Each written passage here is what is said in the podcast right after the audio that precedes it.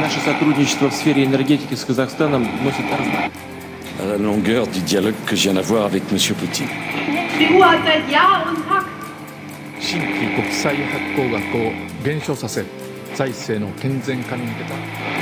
Del fascismo en मगर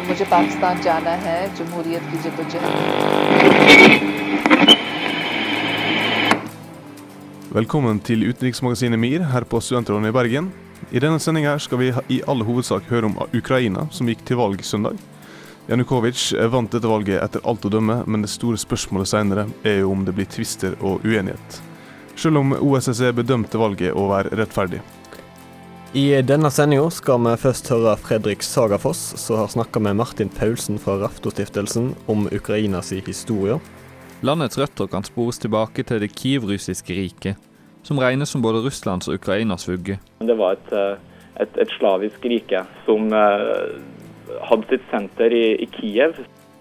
Vi har også snakka med Morten Ruud, NRKs utenrikskorrespondent i Moskva, om de to kandidatene Timosjenko og Janukovitsj, og Ukraina sin spesielle politiske kultur. Hun, hun kjører en jævlig intelligent eh, valgkampanje, bare for å si det rett ut. Videre får vi høre Morten Jentoft snakke om Ukraina sitt forhold til Russland. Ja, Det er interessant at, at begge faktisk jo har poengtert i valgkampen at man ønsker et bedre forhold til, til Russland. Og til slutt i sendinga skal vi høre Hildegunn Marie Hånes Ruseth snakke om arv i ukas spalte her i MIR. En arv som er med og utgjør vår identitet, og ikke minst innsikt og forståelse for andres identitet. Vi har med andre ord mye vi skal gjennom i sendinga vår i dag. Jeg heter Åsgeir Kjetland Rabben. Og jeg heter Andreas Åsnes. Nå skal vi høre ukas låt her i Studentrådet i Bergen. Det er Shout Out Louds med Too Late Too Slow.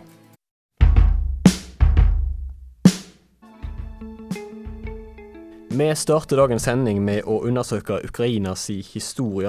Fredrik Sagafoss snakker med Martin Paulsen i Raftostiftelsen om Ukrainas historie og det historiske forholdet til Russland.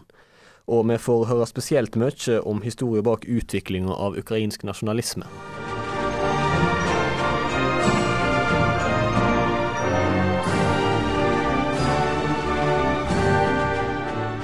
For bare et par dager siden ble det femte presidentvalget etter Sovjets fall avholdt i Ukraina. Et valg som på mange måter representerer problemene Ukraina har slitt med etter Sovjetunionens oppløsning. Mannen som ble valgt, Viktor Janukovitsj, er samme mannen som ble styrta som følge av oransjerevolusjonen for fem år siden, etter det som er blitt skrevet som omfattende valgfusk. Mannen som den gang ble innsatt som president, Viktor Jutsjenko, fikk ved dette valget under 5,5 av stemmene, etter å ha skuffa befolkningen stort i sin periode som statssjef. Jeg vil ta en titt på historien til dette landet. Hans-Wilhelm Steinfeld refererte i Urix mandag til Ukraina som et veikryss mellom øst og vest. Jeg har snakka med Martin Paulsen, postdoktor ved UiB, om hva slags rolle Ukraina har hatt i Europa, og hvordan forholdet til Russland har utvikla seg. Ja, altså eh, du kan si det som eh, leder Steinfeld til å si noe sånt, er jo at eh, Ukraina på en måte har vært under innflytelse, kan du si, av både Moskva på den ene sida historisk, men også Polen historisk, og også Østerrike-Ungarn. sånn at de landområdene som i dag utgjør landet Ukraina, har en veldig ulik historie. Altså Enkelte av de landområdene her har i flere århundrer vært underlagt Moskvas styre, altså de områdene som ligger lengst til øst. Uh, mens uh, andre landområder har vært underlagt Østerrike-Ungarn og Wien, eller polsk styre opp gjennom historien. og Det betyr at man da har en, en sammenblanding et land som består av ulike religioner. Man har russisk-ortodokse i i øst, og man har uh, katolikker i, i, vest. Så på den måten så kan Ukraina opp, uh, oppfattes som et veikryss, da kan du si, uh, i, i Øst-Europa.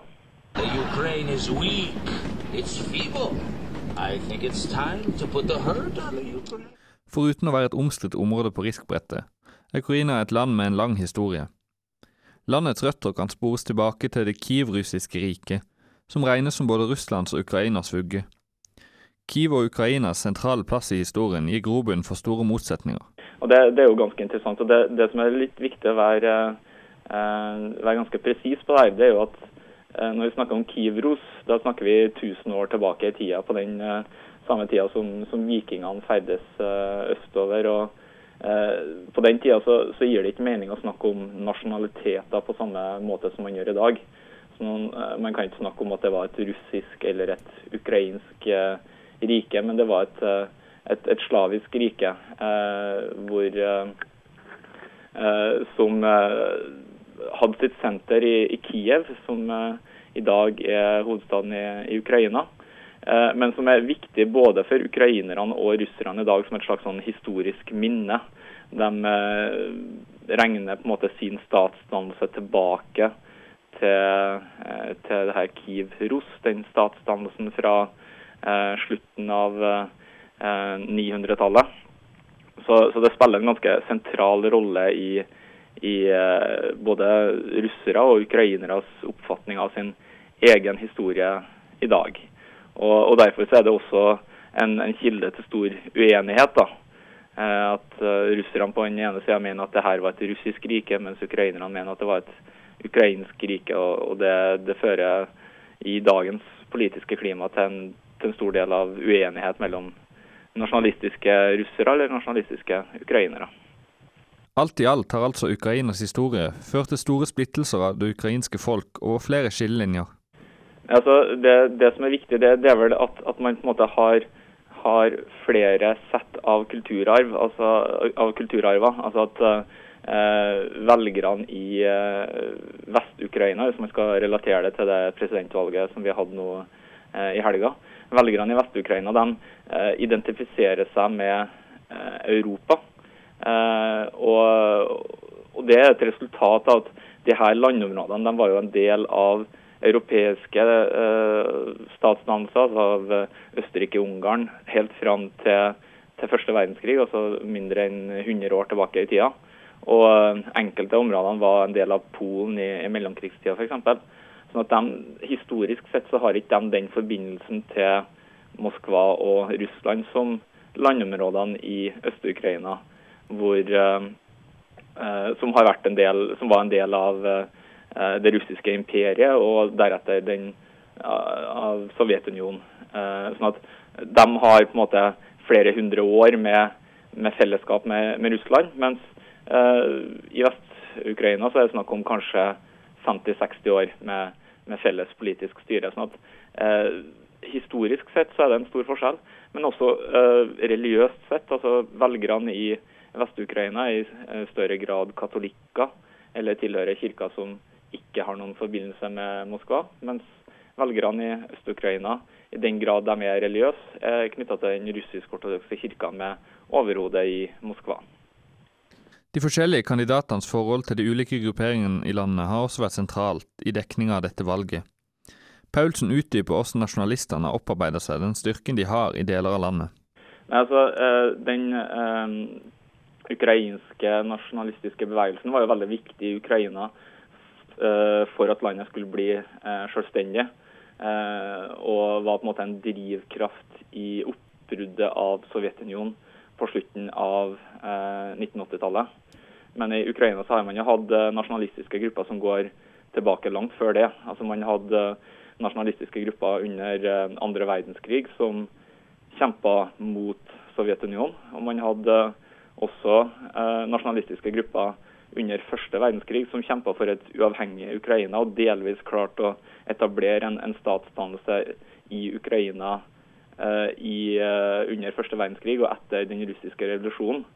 Uh, fordi De første årene etter den russiske revolusjonen så var det jo borgerkrig som ga muligheten for lokale initiativ både i Ukraina og i andre av de, det som senere ble sovjetrepublikker.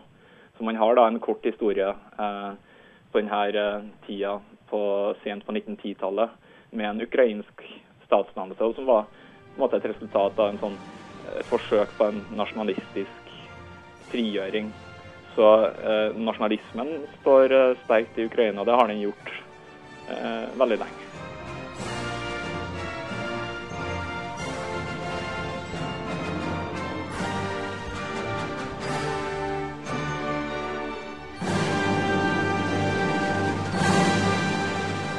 Der hørte vi eh, Fredrik Sagafoss i samtale med Martin Paulsen fra Raftostiftelsen. Доброго дня! Сьогодні ми слухаємо з вами Мір радіо. Du hører altså på MIR på Studentradioen i Bergen.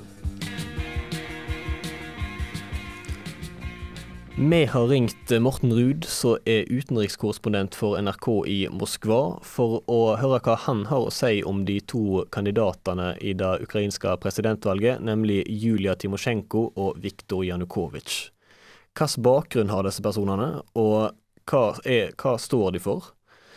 Eh, Vi spurte først om Julia Timosjenko. Hun, hun kjører en jævlig intelligent eh, valgkampanje, bare for å si det rett ut.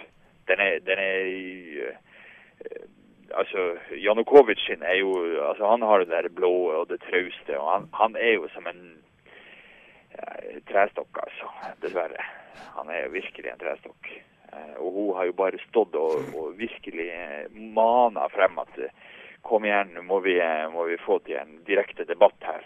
Sånn, eh, kandidatene imellom. Og han har jo vært som såpestykke i badevann og unngått henne for enhver pris. fordi han, han ville bli knust av henne, altså. Hun er jo eh, hun er utrolig talefør og eh, skarp som juling, vet du. Hun, hun står jo i dag da med, med hvit kjole, vet du, og, og eh, nyfletta hår. Og, og ser eh, bedårende ut og, og eh, snakker om å bekjempe korrupsjon. Hun snakker om å bekjempe korrupsjon, ja, men hun har vel en noe suspekt fortid sjøl? Ja, ja. Ukrainas tidligere statsminister, Pavlo eh, Lazarenko, som eh, fra 1995 til 1998 stjal nå innåt helvete mye penger. og så ble arrestert i USA. Eh, og han ble i, eh, for noen år siden dømt til ni års fengsel for hvitvasking av, eh, av stjålne penger i, eh, i Ukraina. Det er nå én ting. Men altså, den samme Lazarenko, han var den som eh, sørga for at Julia Timosjenko kunne bli gassdronninga i eh, dette gasselskapet som hun drev eh, på midten av 90-tallet. Og hvor avtalen var at halvparten av utbyttet skulle gå direkte i lomma på Lazarenko. Julia Timosjenko har selvfølgelig nekta å avgi noe som helst slags avhør eller statements til denne til de her etterforskerne. Og det samme har russiske Gazprom, som jo også har vært involvert i det for det er jo dem som har levert gassen til dem. Så det er et sant, eh, det er et sant gjeng, for å si det rett ut. Men, men nå har jo tydeligvis ukrainske folk eh, stemt vekk det her alternativet her, da, til tross for eh, all karismaen. Er det det? som- Ja. altså, eh, Ja, altså, hun sier jo det at det har jo eh, hun, hun, hun bestrider det. Hun sier at det er hun som har vunnet. Det er hun som har vunnet, sier hun. og hun går rettens Eh, vei, ikke sant? Ja, og altså, det jo, problemet hennes er jo at ingen andre har sett det, men hun har sett det. Og, og gjengen hennes da. Så de, de klager jo nå inn eh, over 900 eh, Altså krever omtelling på over 900 forskjellige valglokaler.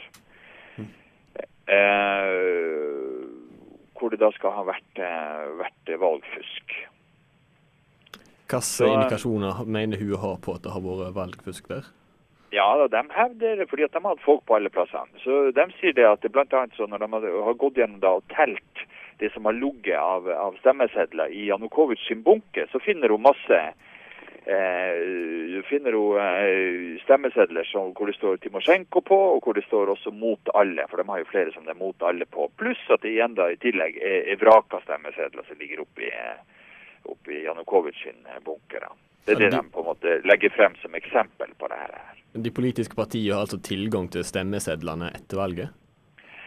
De har i hvert fall hatt tilgang eh, mens tellinga har pågått. For det er jo systemet sånn da at du har offisielle representanter, og så har du representanter fra de forskjellige partiene eh, som deltar i valget. De er også med da. ikke sant? Sånn at du har på en måte at man kontrollerer hverandre. Sånt, og der, eh, der har det, hevder jo da Timosjenko sin eh, gjeng da, at eh, her har det vært massiv forfalskning ute og går.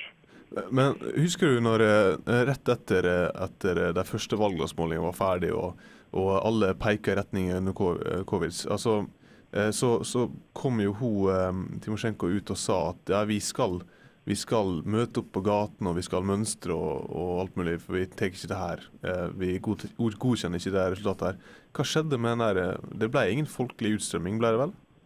Nei, og det, jo, eh, det henger jo sammen med det at uh, hun har jo uh, forspilt kortene sine i forhold til oransjerevolusjonens uh, støttespillere.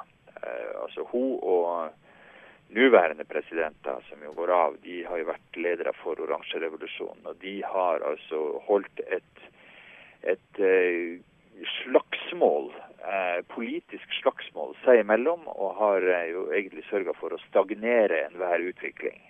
Så De har jo ikke fått til mye politisk, bortsett fra å krangle seg imellom og på en måte kjempe om personlig makt, og ikke utøve en eh, reell politisk eh, handling som da folket forventa at de skulle gjøre. Eh, Så man må jo se det også som en, en protest mot eh, hennes eh, medvirkning til akkurat det der. da. Men hun får jo likevel ganske mange stemmer, tross alt. De som stemmer på henne, tror, mener du da at de gjør det kun fordi alternativet er verre? De som har stemt på henne, man må se geografisk på dette her. F.eks. i, eh, i eh, vestlige eh, Ukraina, byen Lviv, så har altså Julia Timosjenko nesten 90% av stemmene. I Donetsk, som er Janukovitsj sin hjemby, så har han 92% av stemmene. Eh, og landet, Ukraina, er delt i to på akkurat det her. Eh, Julia Timosjenko har det sentrale og det vestlige Ukraina, mens Janukovitsj har det østlige og det sørlige Ukraina. Og eh, du skal være god president. Jeg må sitere kommunistleder eh, Gennadij Zjuganov i Russland, som sier at eh, det er en meget, meget stor oppgave å klare for en president å klare å forene dette landet som nå er blitt så splitta eh, som følge av denne valgkampen. Å være presidentkandidat i USA krever en eh, hud så tykk at du ikke trenger ryggrad for å stå oppreist. Nå hører du på utenriksmagasinet MIR her på Studentradioen. Men nå har vi jo snakka en god del om Timosjenko. Eh, og hennes sine, ja, la oss si, eh, rare bakgrunn. Men kan vi også nevne litt eh, med, eh, med motstanderen hennes? Eh, hans sin eh, også likeens merkelige bakgrunn. Han også har jo et Ja. rulleblad. Ja da. Eh, Viktor Janukovitsj eh, har, har sittet i fengsel to ganger. Han har sittet oppi tre år i, i fengsel for ting han gjorde i ungdommen. Det er bl.a. overfall og ran. Eh, og han er dømt av, to forskjellige domstoler. Eh, I 1978 så omgjorde én domstol i, i en beslutning på begge de to sakene der, eh, og frikjente eh, de dommene, eller omgjorde de dommene da, slik at han faktisk da ble frikjent etter å ha sona. Eh, det har også tidligere, eller det har også i ettertid kommet frem eh, beskyldninger om eh, at han skal ha deltatt på en gjengvoldtekt. Det har de ikke klart å, å finne noe bevismateriale på, men det henger likevel ved han, det også. Og det har vært brukt flittig av, av motstanderne. Hans, det at han er dømt, og at han også har da vært beskyldt for det her. Og det har på en måte ikke lyktes å tilbakevise det her godt nok. da. Men har han noen kommentar sjøl å komme med til dette her i dag? Nei, altså Han hevder jo selv at han er uskyldig, og, eh, og eh, han tilskriver det til mer sånn guttestreker. da, fordi at han var jo eh, han var ung. Han ble tidlig foreldreløs allerede i treårsalderen og, og vokste opp hos sin, delvis hos sin bestemor og på, på guttehjem. Eh, hva kan du si om eh, hva Janukovitsj holdt på med når han var statsminister under Kutsjma sin, sin presidentperiode? Eh, Janukovitsj eh, Du kan kanskje koble opp mot, eh, mot uh, den oransje revolusjonen, det at han faktisk uh, at det var jo en slags svært autoritær oppførsel som ble på en måte nedstemt. da. Er ikke han samme person? Er han på noen måte reformert? Han har nok tatt signalene i forhold til at oransjerevolusjonen faktisk satte han i skammekroken for fem år siden, da han ble tatt for eh, massivt valgjuks. Han vant jo eh, presidentvalget den gangen. Det har han nok skjønt, at den sånn gjør man ikke lenger. Dessuten den helt åpenbare forbindelsen han hadde den gangen, og støtten fra Vladimir Putin, som var president i Russland den gangen. Det var også en ting som ukrainerne ikke tåler. De driver og jobber med å, å på en måte bygge sin egen eh, nasjonale følelse. Og da holder ikke at Russland skal komme inn og diktere hva de skal eh, gjøre og hvem de skal velge osv. Så, videre. så det har Russland eh, nå latt være denne gangen.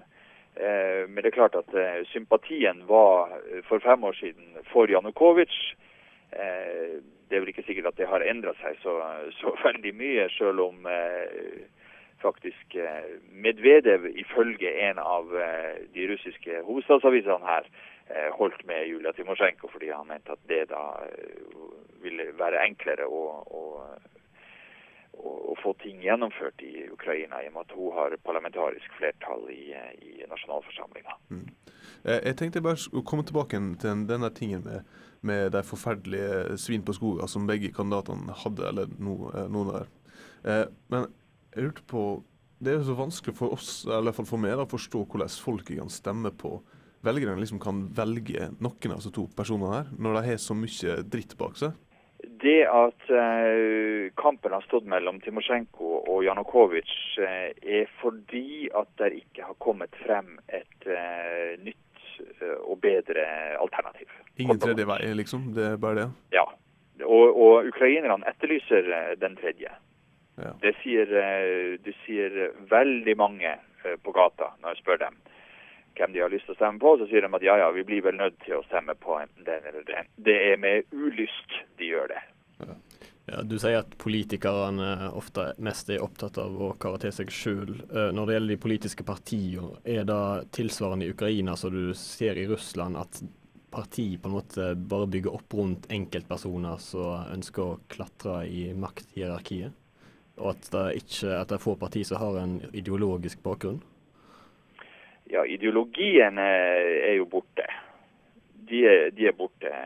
Kommunismen var vel den siste ideologien som sådan her. Eh, Så det er litt sånn typisk presidentsystem, da, at du bygger rundt én person? Kan du ikke engang orientere deg på venstre-høyre akse i politikk? Det er vanskelig å si det. Fordi at uh, Jeg tror vi heller skal si hvem som er mer vestvennlig, og hvem som er mest østvennlig. Det har vært den uh, enkleste måten å, å de, de, har uh, sosiale program og, og, utviklingsprogram som er til forveksling lik hverandre.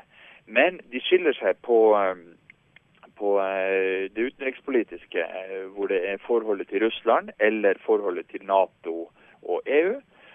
Eh, og så skiller de seg på eh, forholdet til russisk språk.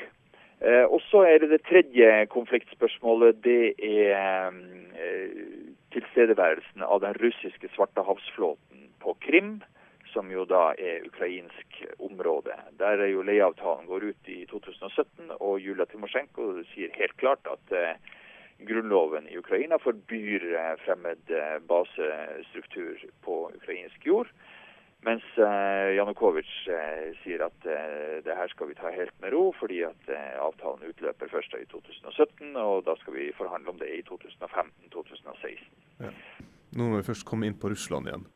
Um, har det kommet noen offisielle uttalelser uh, utenom det med utenriksministeren? Ja, det, president Dmitrij Medvedev har gratulert okay. uh, Janukovitsj med seieren. Hmm. Det har han gjort. Så, og det har han da altså gjort uten at det er offisielt kunngjort hvem som har vunnet presidentvalget i Ukraina. Men det kommer vel ikke før 17.2, er ikke eh, det offisielle? Ja, det kommer først første. Og nå er det jo, eh, er det jo Timosjenko da, som har klaga på, eh, på valggjennomføringa og opptellinga, slik at den klagen skal jo behandles nå da i eh, valgkommisjonen og eventuelt også i rettsapparatet. Slik at eh, det her eh, tar tid. Men, eh, du, du, nevnte tidligere det med eh, om eh, liksom, hvem som er mest eh, vestvendt og hvem som er mest russervendt. Eh, det er et av de store skillelinjene i politikken. der. Eh, på papiret og i realiteten er vel to ulike ting når vi kommer til Ukraina, og hvem som er hva. Hva, er, hva vil papiret si om de to? Du kan si at um, Julia Timosjenko har fremstått som en mer eh, reformvennlig og eh, antikorrupsjonsvillig politiker i valgkampen. Hun har presentert et program hvor uh, hun sier at uh, Ukraina skal bli en sentral del av Europa, og det skal de bli fortest mulig. I, I, regionpartiet til Janukovitsj sier de at Ukraina står så dårlig økonomisk nå at vi må bygge oss opp økonomisk og materielt sett med å stå på en sterkere fot før vi søker om medlemskap, slik at vi slipper å stå med lua i handa den dagen vi skal forhandle om medlemskapsbetingelser. Så de er begge to veldig enige, egentlig? Ja da, begge to er veldig enige. Og, og det, er noe, det, er ikke noe, mye tvil i Ukrainas befolkning, enten den er i øst eller i vest, om de skal bli Europa, medlemmer av Europa eller ikke. Det skal de bli. Men eh, som sagt, konfliktforholdet har mer gått på eh, hvilket forhold man skal ha til Russland. Eh, og det russiske språket, og også da Svartehavsflåten. Eh, nå har jo Timosjenko vært statsminister i seks år snart. Eh, kan du si noe om den politikken som har blitt ført i de årene? Ja, altså Hun har vært eh, litt av og på når det gjelder statsminister, for å si det sånn. da. Det har hun vært litt av og på, men, men altså, hun har vært eh, sammenhengende nå de siste to årene. Eh, problemet med politikken til eh, Timosjenko og Jusjenko, som da har vært president, er at de har krangla så mye at eh, politikken har eh, Det politiske livet i Ukraina har vært mer eller mindre handlingslamma. Eh, Timosjenko sin regjering eh, klarte med sin flertallskoalisjon i løpet av eh, litt over ett år å få vedtatt én lov. Én lov. Det var det de klarte å få vedtatt. Eh, resten av tida gikk til krangel og, og delvis sabotering av, eh, av flertall. Og det er sånn at når mer enn en tredel av, av de som er i nasjonalforsamlinga ikke møter opp, så kan de da så blokkere vedtak. Og Det har de altså da sørga for å gjøre i tur og orden alle sammen. Regionpartiet har også demonstrert på den måten, sånn at de er ikke noe unntak, de heller. Mm. Kan du si noe om maktfordelinga mellom president og statsminister i Ukraina? Ja, eh, presidentmakta i eh, Ukraina ble jo redusert eh, etter at eh, oransjerevolusjonen kom inn, eh, og makt ble overført til parlamentet. Slik at eh, president Viktor Jusjenko han har jo prøvd eh, flere ganger å oppløse bl.a. parlamentet og utskrive nyvalg. Det, det, prøvde han jo på flere ganger. Han har også prøvd å, å fremskynde presidentvalget. Eh, ingen av her tingene har han lykkes med, fordi at eh, statsministeren og flertallet i nasjonalforsamlinga har eh, kort og godt ikke bevilga penger til det. og Dermed så har han ikke kunnet gjort det. Så de har, de har stort sett lamma utviklinga politisk av Ukraina i de senere år. og det, det er folk veldig skuffa over. fordi at det skulle være noe annet. Det var noe annet som ble sådd, og det var noen andre håp man hadde. Det var derfor folk sto ute og demonstrerte i ukevis eh, mot eh, Janukovitsj da han ble tatt for juks for fem år siden.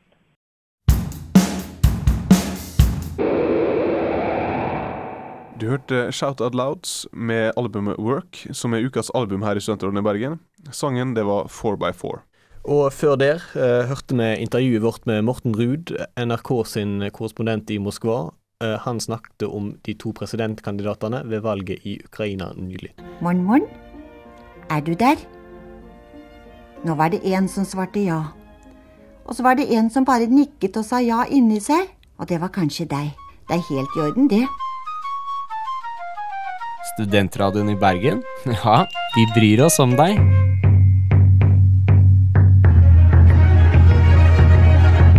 Videre i ukens utenriksmagasinet MIR skal vi se nærmere på Russland sitt forhold til det som skjedde søndag. For første gang på veldig lenge i Europa brukte Russland nylig uttrykket interessesfære når de snakket om Ukraina. Og på hvilken måte kommer dette til uttrykk i valget nå i Ukraina, og hva er det Russland egentlig mener med dette uttrykket? Vi snakker med Morten Jentoft, også i NRK og langtstående utenrikskommentator der, om Russlands innstilling til saken. Kan du si eh, hva Timosjenko og Janukovitsj mente om hvordan forholdet til Russland burde være for Ukraina sin del? Ja, Det er interessant at, at, begge faktisk jo har poengtert i valgkampen at man ønsker et bedre forhold til, til Russland. Altså Julia Timosjenko har jo i sin tid som statsminister faktisk bygd opp et brukbart eh, personlig forhold til Russlands mektige mann, eh, statsminister Vladimir Putin. Hun har vært i Moskva flere ganger. Og fra å være nærmest en persona non grata, så, så eh, var det jo mange som spekulerte i at faktisk russerne så på Julia Timosjenko som en, som en bedre kandidat enn Viktor Janukovitsj, nettopp fordi at eh, hun både eh, gikk inn for et bedre forhold til Russland, og for det andre også kunne være en mer samlende kandidat, da også få med seg på en måte det mer russisk skeptiske Vest-Ukraina. Når det gjelder eh, Viktor Janukovitsj, så var jo han russernes kandidat i 2004. Man gikk jo aktivt ut og støttet ham den gangen. Det brente russerne seg veldig på. Eh, I og med at eh, Viktor Janukovitsj den gangen ble tatt rett og slett for valgfusk. Eh, eh I dag eh, så har han en mer pragmatisk forhold. Han framstår absolutt som en ukrainsk patriot på sett og vis, selv om han da har sin bakgrunn da i det russiskspråklige Øst-Ukraina. Og eh, eh, også ikke behersker det ukrainske språket til fulle heller. Eh, men han, han, kommer nok til selvfølgelig, han blir sett på som russiskvennlig, men jeg tror nok det at han kommer til å velge en relativt pragmatisk tilnærming til Russland. Han kommer ikke til å være, gå ut og proklamere at nå skal man bygge opp et veldig godt forhold til Russland. Han har nok også et veldig behov for å vise at han står fast ved Ukrainas selvstendighet, og at han også ønsker å bygge et tett forhold til EU. Eh, ellers har jo Janukovitsj vært eh, ganske konsekvent når han sier at Nato-medlemskap ikke er aktuelt. Det er nok noe som selvfølgelig blir satt pris på i Moskva. Ja, Hva var eh, Timosjenko sitt syn på eventuelle Nato- og EU-medlemskap? Altså Hun har jo vært for en veldig tett integrasjon eh, med Europa, eh, ikke minst EU. Når det gjelder Nato-medlemskap, så er det en sak som også hun har ligget relativt lavt i, fordi at det viser seg at det, store flertallet av ukrainere ikke støtter tanken om et raskt Nato-medlemskap nå. Så det har ikke vært noe stort tema i valgkampen, rett og slett fordi at så mange av ukrainerne er uenig i at, eh, at landet skal gå inn i Nato nå. Hva var Kreml sin reaksjon når det ble kjent at Janukovitsj kom til å vinne valget? Man var veldig forsiktig. Eh, man ville ikke gå ut sånn som man gjorde i 2004 og mer eller mindre proklamere før eh, valgobservatørene hadde gitt sin konklusjon at man støttet at man, man, man på en måte konstaterte at Janukovitsj hadde vunnet valget. Man var forsiktig, man avventet eh, resultatet. Sånn at Det er nok en, en, forsiktig tilfredshet, men man har fra Moskva lagt veldig stor vekt på at dette er ukrainernes eget valg. Og Det har vært antydet bl.a. i russisk presse at man fra russisk side som jeg sa i stedet, eh, egentlig er ganske likegyldig til hvem av kandidatene som, som, eh, som, blir president. Begge kandidatene har sagt de vil bygge et bedre forhold til Russland. Begge kandidatene har relativt gode personlige eh, eh relasjoner med de russiske lederne. Det ble uttalt fra Moskva tidligere i år eller sent i fjor at uh, Ukraina ble sett på som russisk interessesfære. Kan du si noe om hva de legger i det? Ja, altså Man har jo fra russisk side definert da store deler av det tidligere Sovjetunionen som interessesfære. Inkludert også øh, land som Georgia og Ukraina, som jo eh, de siste årene har vært på skarp kollisjonskurs da med nettopp, øh, med nettopp Russland. Ehm, det, det, har vært vanskelig å få helt tak på hva man egentlig da mener med denne interessesfæren, og hvor, hvor, hvor, hvor stor den går. Det man sier, det er jo det at disse landenes sikkerhetspolitiske forankring er ikke likegyldig for Russland. Og Fra russisk side så har man jo da, definerer man jo fremdeles da Nato som vi har hørt de siste dagene, som en, som en fiende. og dermed Når disse landene da aspirerer til Nato-medlemskap, så er dette noe som, som ikke ble sett på med blide øyne fra Moskva. Men eh, hvilke grep eh, vil de ta hvis det blir aktuelt for f.eks. Ukraina å søke om et Nato-medlemskap? Ja, Det er jo ganske hypotetisk eh, nå. Det kan selvfølgelig være snakk om å eh, bryte forbindelser, en del handelsforbindelser. Vi skal være klar over at Ukraina og Russland har veldig tette, eh, tette kontakter når det gjelder eh, våpenindustri f.eks. Eh, hvis russerne da velger å bryte de forbindelsene, så vil det ramme ukrainsk industri veldig sterkt. Um, og Det kan vel også være snakk om andre tiltak, men akkurat nå så er jo ikke dette spesielt aktuell politikk. Der hørte vi Oskar Kjetland Rabben i samtale med Morten Jentoft.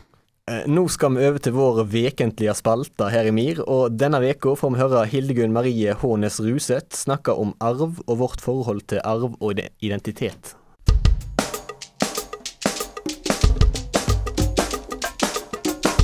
We are afraid our culture will be absorbed or repressed by you. If you want to understand a culture, do not under, only understand a language, you can understand their feel, their daily life. Hildegunn snakker arv.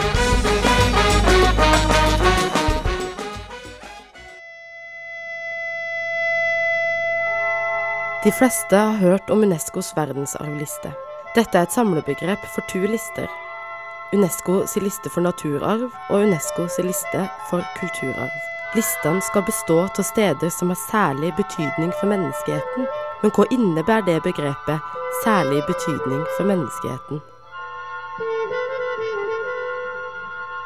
Unesco er FN sin organisasjon for utdanning, vitenskap og kultur men mange stiller spørsmålet om hvorfor kulturarv er en så viktig del til Unesco sitt arbeid. Hvorfor er bygninger og strukturer fra fortida noe FN bryr seg med å ta vare på? For å finne svaret på dette må en først se til historien. Ifølge FN sine egne hjemmesider var det etter første verdenskrig at ideen om et verdensomspennende vern til kulturminner oppsto, og i 1972 var to ulike fokus slått sammen til ett tiltak. De to ulike fokusa var spørsmål om hvordan en skulle bevare kulturarv, og spørsmål om hvordan en skulle bevare naturarv. Og Det ene tiltaket var en konvensjon som ble avholdt i 1972, der en tok for seg alle utfordringene en møter rundt bevaring av kulturarv og naturarv. Dokumentene som ble publisert i etterkant av konvensjonen, viser at utfordringene er mange. Ikke minst så må en i spørsmål om vedlikehold og konservering ta høyde for at ikke alle land har økonomiske ressurser, teknologi og kunnskap nok tilgjengelig til å gjennomføre kravene fra Unesco. Og da er det verdenssamfunnet sitt ansvar å ta del i bevaringa av et land sine kulturminner. Men for mange så handler kultur og naturarv òg om økonomi med positivt fortegn. Bare tenk på Egypt. Landet markedsføres nærmest ene og alene på pyramider og faraoer. Og uten å kunne påstå at kulturarv er avgjørende for Kinas økonomi, så er det verdt å nevne at over fire millioner mennesker besøker den kinesiske mur hvert eneste år. Noen land klarer å bruke sine kulturminner og spektakulære naturområder til noe positivt, mens andre land får aldri muligheten til å bygge opp en turistnæring rundt sin arv, sjøl om dette har vært, eller kunne ha vært, en bærebjelke i landet sin økonomi. Dette gjelder spesielt land i krig. Det å bevare arv er ikke bare et spørsmål om forvaltning og vilje, slik som en i stor grad kan si er situasjonen i Norge i dag. I andre deler av verden er det hardnakka realpolitikk. Feider om kulturarv og naturarv kan i mange tilfeller forsterke og forverre konflikter over land og grenser. Og her ligger mye av kjernen til hvorfor kulturarv har fått en egen komité i FN. Fordi kulturarv er ikke bare monumenter og gjenstander men representerer òg mer abstrakte verdier. Kulturarv er òg identitet. Det er derfor ikke rart at kulturarv i mange tilfeller brukes i krig, og at nettopp dette er mye til grunnen til opprettelsen av en egen liste, kalt UNESCO sin liste over verdensarv i faresonen. Denne lista vitner om nettopp hvor sterkt fortid og kulturminner henger sammen med identitet. Mange husker bildene fra Afghanistan som ruller over TV-skjermene verden over i 2001, av Taliban som sprenger i stykker to nesten 2000 år gamle buddhaer som var kuttet i fjellet i Bamiyan. Taliban mente at disse to statuene var symboler på avgudsdyrking. Dette viser at historien ikke bare er historie. Deler av historien er høyst levende og viktig den dag i dag. Arv, enten det dreier seg om språk, gener, fortellinger, natur all kultur, er viktig ikke bare for mennesker, men for menneskeheten. Unesco sier at deres arbeid med å bevare den fysiske, håndgripelige arven bare er en begynnelse på arbeidet med å hjelpe alle verdens mennesker til òg å ta vare på den uhåndgripelige arven. En arv som er med og utgjør vår identitet, og ikke minst innsikt og forståelse for andres identitet. Bang, bang, I used to shoot you down.